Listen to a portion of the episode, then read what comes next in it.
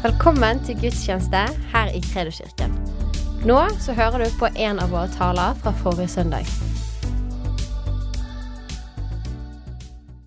Så spennende. Fantastisk å lovprise Gud sammen og bare opphøye Hans navn. Eh, det er en fantastisk dag i dag. Det er en stor dag. Det er den dagen Jesus, vi feirer at Jesus sto opp igjen ifra de døde. Han vant seier over døden. Og han ga meg et håp om evig liv. Eh, og du som tror på Jesus, har en framtid og et håp. Jeg håper du har eh, heist flagget i dag. Det har jeg gjort. Det er flaggdag i dag, så om du ikke har gjort det, så kanskje du kan gjøre det etterpå. Fordi at vi ønsker bare å, å, å markere det at vi tror på Jesus, og vi ønsker at han skal ha en rik og stor plass blant oss.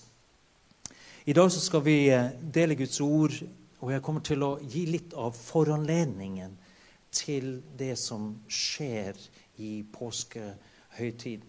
For at vi skal få med oss kanskje noen nye elementer i det som Bibelen beskriver. Eh, vi må prøve å sette oss inn i disiplene som fulgte Jesus. Hva de opplevde, hva de, hva de så, hva de hørte, og hvordan de tolka det. For det vil hjelpe oss også til å virkelig fordype i oss i hva var det egentlig Jesus gjorde for oss. Og Et sentralt vers i Gamle testamentet det var profeten Daniel. Jødene elska Daniel, profeten. Og han hadde en profeti i eh, kapittel 7, vers 13 og 14, som alle jøder, alle troende jøder kjente til.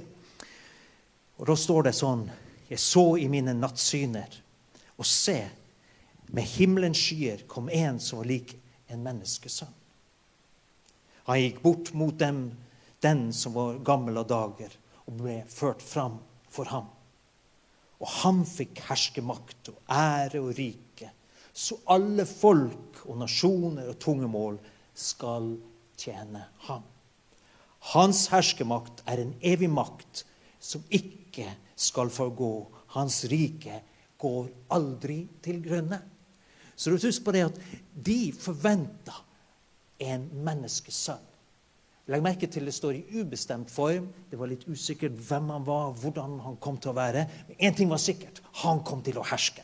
Og han kom til å sørge for at hedningene, alle folkeslag, kom til å bøye seg for han. Nå forventa jødene at denne menneskesønnen også skulle komme og sette dem fri fra romerne. De var under okkupasjon, og disiplene kjente smerten av det å leve som et undertrykt folk. Derfor så, når de hørte begrepet menneskesønn, så tenkte de med en gang tilbake på det Daniel hadde beskrevet. Og Vi skal følge denne, dette ordet, menneskesønn, gjennom eh, Markus evangeliet. Og så skal vi komme fram til påskehøytiden. Først leser vi Markus kapittel 2, fra vers 9 til 11. Og Da står det at dette var, Hvis du husker historien, hvordan det var en lam som ble De laga hull i taket, de fyrte han ned. Fire venner av han. Og så står det det at, at Jesus helbreda den lammet. Han tok senga si, og så sto han opp. Og da sa Jesus, 'Hva er lettest å si til en lamme?' 'Syndene dine er deg tilgitt.' Eller 'Stå opp, ta båren din og gå.' Og så sier han noe forunderlig her men for at dere skal vite at menneskesønnen har makt på jorden til å tilgi synder. Og så, står det, så vender han seg til den lamme. Jeg sier deg, stå opp, ta båren din og gå hjem. Og mannen reiste seg straks, tok båren og gikk ut rett for øynene på dem. Så alle ble full av undring. De priste Gud og sa noe slikt har vi aldri sett før. Du vet, Øynene på dem var som klinkekuler. Wow! Hvilken greie! Han sto opp, den lamme mannen bare reiste seg opp og gikk. Og legg merke til hva Jesus sa. Han sa 'menneskesønn'. Nå plutselig brukte han det ordet i bestemt form og disiplene. Wow, yeah, wow, yes, nå kjenner vi igjen og igjen. Her kommer han og demonstrerer makt. Han kan tilgi synder, han kan helbrede de syke. Ingenting er umulig for han. Og Så ser vi han senere, bare i kapittel 2, så ser vi det at Jesus kom i konfrontasjon med fariseerne. For de klaga på disiplene, for de tok seg gnadde korn mens de gikk gjennom åkeren og spiste, og det på sabbaten. Og Da sa Jesus det at sabbaten ble til for mennesker, og ikke mennesker for sabbaten. Og så sa han det. Derfor er menneskesønn herre også over sabbaten. Igjen menneskesønn. Og disiplene tenkte yes! Enda en punch i trynet på de der fariseerne. De elska Jesus, for han, var, han hadde autoritet. Han satte alle andre på plass. Han valgte alltid diskusjon, han valgte alltid seier. Det ligna på den menneskesønnen som de venta på. Men så kommer vi litt lenger ut i Markus evangeliet, og så dreier det seg litt. For der står det, når vi kommer til kapittel 8, 31-33, så står det at Jesus begynte å lære dem. Han sa, 'Menneskesønn' må lide mye og bli forkastet av de eldste, overpresten og de skriftlærde. Han skal bare slått i hjel, og tre dager etter skal han stå opp. Han sa det åpent. Og Da tok Peter han til side og sa dette her må du ikke si, Jesus. Han prøvde å irettesette Jesus, og da svarer Jesus, vik bak meg, Satan. Du har ikke tanke for det som Gud vil, bare for det som mennesker vil. Så kommer vi igjen i kapittel 9 står det at, fra vers 30. De brøt opp derfra og la veien gjennom Galilea. Han ville ikke at noen skulle vite det, for han var opptatt med å undervise disiplene. Og han sa til dem, menneskesønn blir overgitt i menneskers hender. Og de skal slå ham i hjel, og tre dager, eller på den tredje dagen skal han stå opp. Men så står det men de skjønte ikke hva han sa. Og de våga heller ikke å spørre ham. Det stemte ikke med det bildet de hadde. Og Så kommer vi til Markus 10. Og Da står det fra vers 32 at var på, nå var de på vei til Jerusalem. Og det står at Jesus gikk foran. Jeg ser for meg at eh, Visste ikke, Vanligvis kanskje de gikk sammen i gruppe, men her står det spesifikt at Jesus gikk foran disiplene. Og så står det at disiplene var oppskaka, og de fulgte etter, og de var redde. Så de, disiplene kom tuslende etter Jesus. liksom. Fordi de følte seg redde. De skjønte at et eller annet var på gang. De var skremt. Og På nytt så tok Jesus dem til side. Så sa han det at se, vi går opp til Jerusalem, og menneskesønnen skal overgis til overprestene og de skriftlærde. De skal dømme ham til døden og overgi ham til hedningene.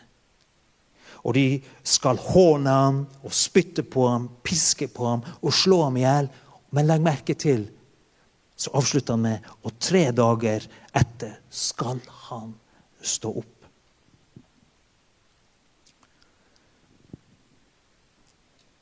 Vi legger også merke til at Jesus begynte å undervise disiplene sine om hva som skulle skje i endetiden, hva som skulle skje etter at alle disse tingene hadde funnet sted. Og Nå befinner vi oss i Jerusalem i påskehøytiden. Eh, disiplene Jesus har vært inne i tempelet.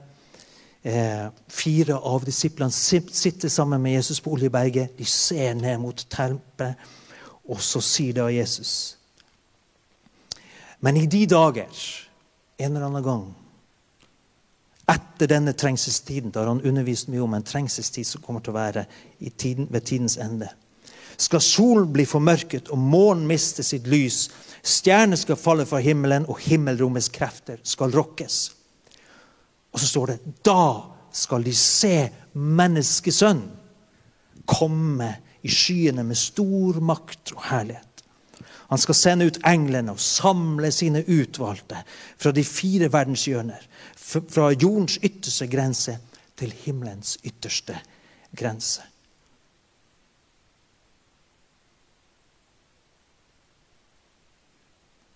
Og så kommer vi til nattverd, eller påskemåltidet, hvor Jesus innstifter den nye pakt og nattverden.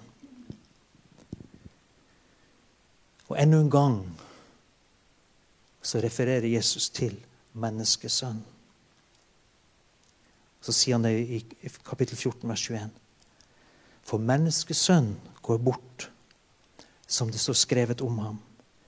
Men ved det mennesket som forråder menneskesønn. Det hadde vært bedre for det mennesket om det aldri var født.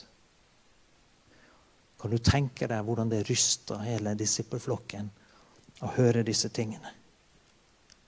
Så vet vi om Judas Iskariot som forrådte Jesus. Men så, så, står det om at Jesus og disiplene gikk til Getsemanehagen. Og der ble Jesus sin sjel så overvelda av en gru og en angst. Det kom over et sånt mørke over Jesus. Eh, hans sjel kom i sånn frykt og angst på en måte som han aldri, aldri hadde erfart eller opplevd før.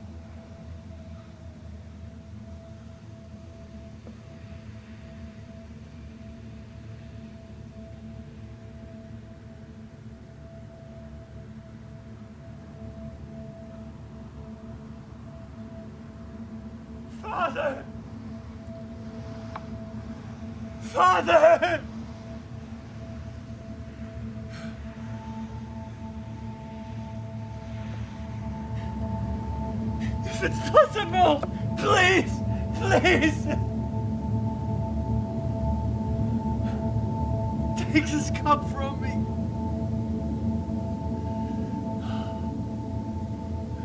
Take this cup from me.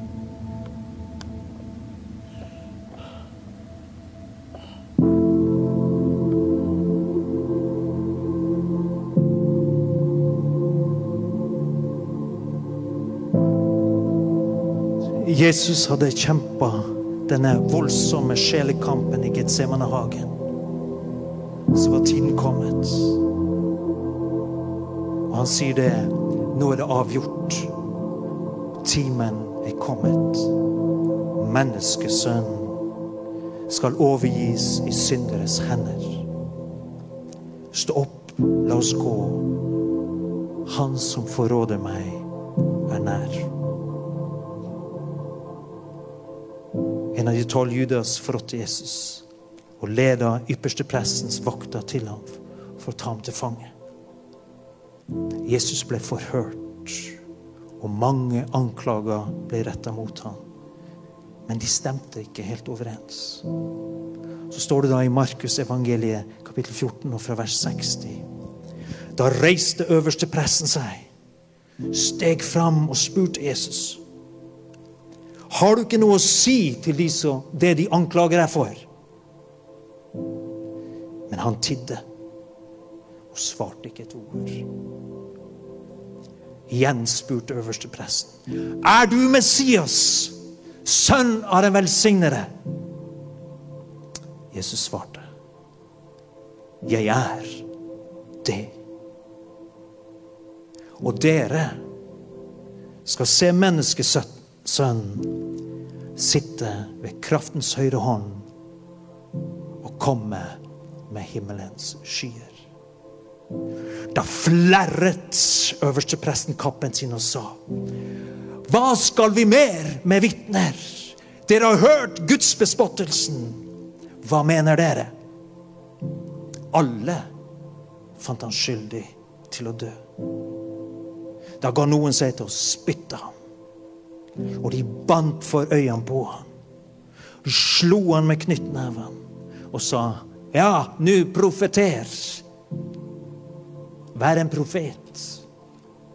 Og vaktene gikk løs på ham med piskeslag. Etter det tok de med seg Jesus, drev ham foran seg førte ham til romerne, erkefienden deres. Men nå var det nyttig med fiender. De førte han til Pontus Pilatus, som var landshøvdingen. Og han dømte Jesus til døden og til å henges på et kors. Hvorfor døde Jesus på korset? Hvorfor døde menneskesønnen på korset? Det første er jo fordi at Jesus hadde forutsagt at han kom til å dø. Profetordet måtte oppfylles. Men det andre er alt handla jo egentlig om meg og deg.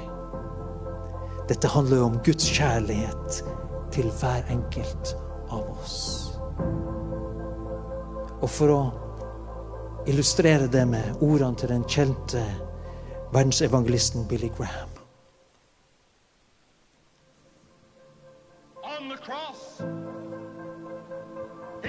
My God, why hast thou forsaken me? And then he dropped his head and said, It's finished.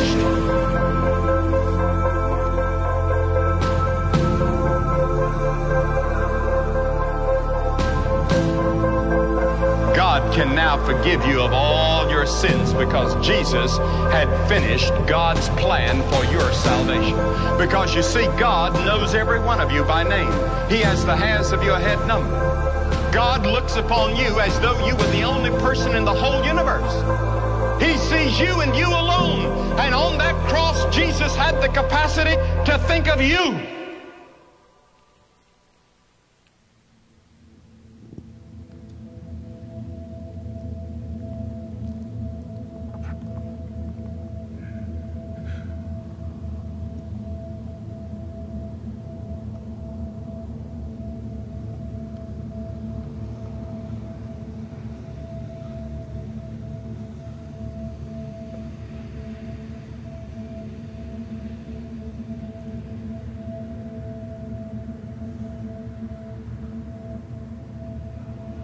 And he loved you enough to stay on the cross. Was there ever such love as that? Because he saw that he would be raised from the dead. He saw that there would be a gathering in the generations to come of a people for his name that would make up his body. He saw the day when we will reign with him in his kingdom. Jesus så at han kom til å stå opp igjen. Han så at frukten av sin oppstandelse kom til å bli folkeslag som kom til å samle inn i hans rike, og som kom til å prise han i all evighet i himmelen og være sammen med han. Derfor så feirer vi i dag Jesus sin oppstandelse. Vi jubler. Dette er en dag å være glad. Dette er en dag å være stolt over vår Messias, vår Herre, vår Frelser. Han som sto opp igjen. Som overvant dødens makt, som overvant frykten, som overvant skammen, som overvant skylden. Som tok min og din straff, som tok min og din synd på seg på korset. Alt dette ble besegla med Jesus sitt blod, og at han sto opp igjen ifra de døde. Og vi vet fra Bibelen at når Jesus hadde stått opp, står det i Hebrevet at han gikk inn i det aller helligste i et tempel som ikke var laga av menneskehender. Han brakte sitt eget blod innenfor Faderen. Og Faderen signa den nye kontrakten med sin finger. Og Derfor kan jeg og du bli nye skapninger. Derfor har vi fått alle velsignelser i Kristus Jesus. Derfor behøver vi ikke lenger å frykte for hva som skal skje, hva som skal komme. Frykt ikke for døden, frykt ikke for det som ligger bak døden. For Jesus har lovt oss en herlighet som er så stor at vi kan ikke fatte og begripe det. Og nå skal vi ta nattverden sammen. Eh, For Jesus sa det at vi skulle minnes ham gjennom nattverden. Og vi skal lese sammen fra første Korinterbrevet, kapittel 11, og fra vers 23 til 25. For jeg har mottatt fra Herren det jeg også har gitt videre til dere. I den natt da Herren Jesus ble forrådt, tok han et brød, takket, brøt det og sa:" Dette er min kropp, som er for dere. Gjør dette til minne om meg. På samme måte tok han begeret etter måltidet og sa:" Dette begeret er den nye pakt i mitt blod. Hver gang dere drikker av det, gjør det til minne om meg. Skal vi ta nattverden sammen? Håper du har den klar der hjemme. Og eh, ta den sammen med familien din om dere er samla. Eh, hvis du sitter alene, så skal du vite at du er ikke alene nå med å ta denne nattverden. Men vi gjør det samtidig. Som Kristi kropp. Som menighet. Eh, jeg våkna i natt og måtte bruke litt tid i bønn. Plutselig så kjente jeg en sånn sterk følelse av avstand. Og jeg tolker det sånn at det var noen av dere som kom til å være til stede på denne gudstjenesten. Bare følte at Du føl, føler at du er på avstand fra Gud.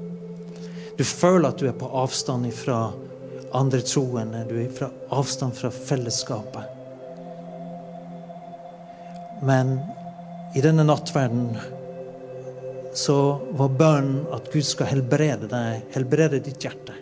Viske bort den vakuumfølelsen som du kjenner på. Du er ikke alene. Du er ikke isolert. Og sjelen vår trenger å bli rensa. Det er så fort at vi får inn skuffelse, motløshet, håpløshet. At vi tar anstøt, at vi blir mistenksomme, at vi mister tillit, begynner å dra bort ifra hverandre. Men nå skal vi dra nær til hverandre. Dra nær til Jesus. Han er nær. Men vi i vår sjel tar et bevisst valg og går nær Han. Så skal vi gå nær hverandre også. Du skal ikke være på avstand, du skal komme nær. Og dette er Jesu Kristi legeme, som han ga for oss. Det ble knust for oss for å helbrede oss, for å bringe frelse, at vi skulle få være en del av den nye pakten. Så vi tar dette sammen nå i Jesu Kristi navn.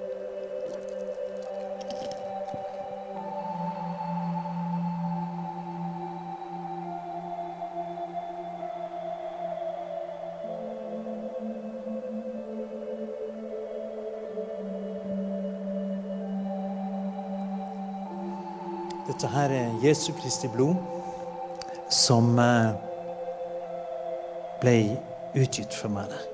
Dette er Jesus sitt liv. Livet i blodet, står det. Husk på det, han ga alt for meg. det. Og nå har du og jeg anledning til å gi alt tilbake til ham. Han fortjener alt. Han fortjener hele livet vårt, ikke bare deler av det. Ikke bare når det passer, ikke bare når det liksom, vi trenger litt hjelp. Eller. Han, han fortjener hele livet vårt. Så gi respons til ham nå. Overgi deg igjen til han. Dra nær til Han i din sjel, i ditt hjerte og i ditt sinn. Skal vi ta dette og drikke det sammen i Jesu Kristi Nazarens navn?